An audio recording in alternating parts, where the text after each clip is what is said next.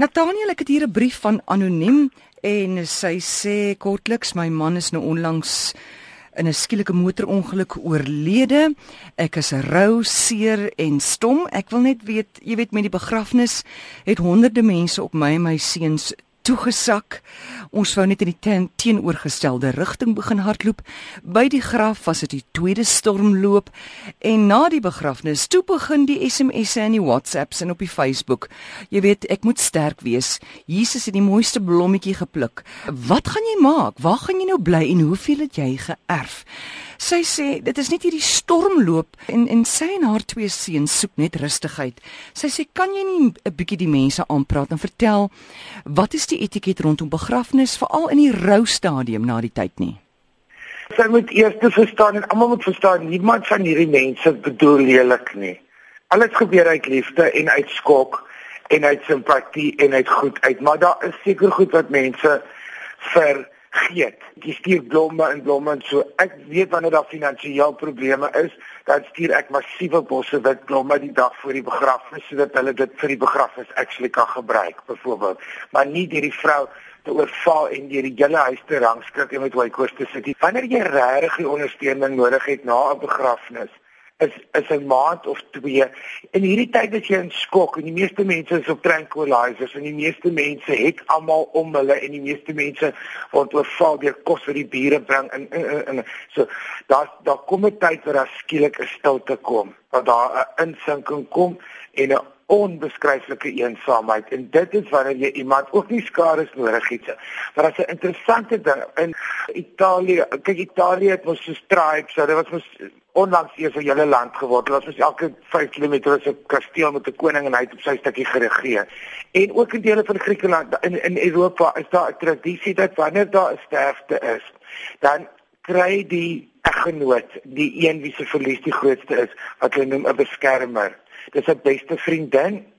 Dit is 'n suster, dis die oudste dogter, dis iemand wat fisies kom inwoon en optree soos 'n skild wat mense weghou van die persoon wat sê sy lê 'n bietjie, wat sê sy kan jou nie nou sien nie, wat sê baie dankie, wat die blomme in potte sit, wat op 'n mooi manier dit is haar job, dit is haar liefdestaak aan haar ma of haar vriendin of so.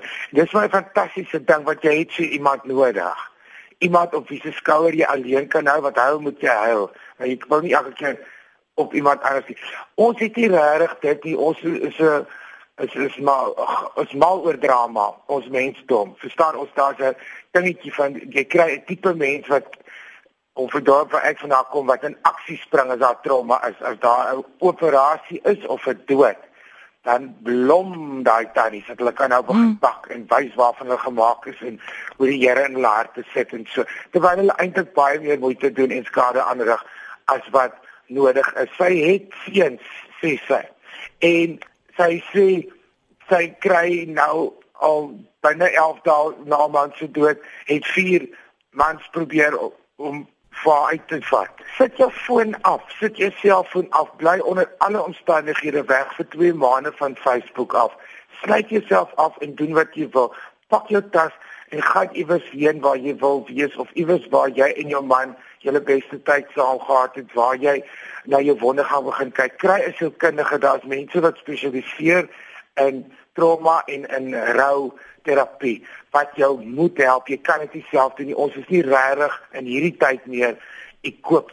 Ons is nie soos in die ou dae wat die dood kom wat ons verwag daarvoor en hierdie se skielike en onverwagse dood. Daar was nie 'n siekbed of hoe ouderdom wat jy ken nie. So jy moet jouself beskerm en maande later dan sal jy begin reageer. Almal verstaan dit. As jy ek kry 6 maande later 'n kaartjie wat sê dankie vir jou bystand. Ek verwag niks nie. Um mense moet bedagsaamheid hê, maar mense er, val oor hulle eie voete om hulpvaardig te wees en weet nie dat 'n trukkie terug staan. Is is nodig. Gaan begrafnis toe stuur blomme stuur 'n krans whatever die geleentheid is. As jy sien die weduwees by die tee na die tyd oorval bly weg. Bel al 4 weke later en sê ek was op die diens ek mis hom ook. Ek dink aan jou ek is hier soos jou nodig het. Dis is wanneer iemand flou val jy moet vir hulle asem gee Maar sy moet iemand kry wat haar wat in so 'n geval wat vir jou help wat wat jy kies wat sê sal jy by my kom bly vir twee aande as dit jou behoefte is?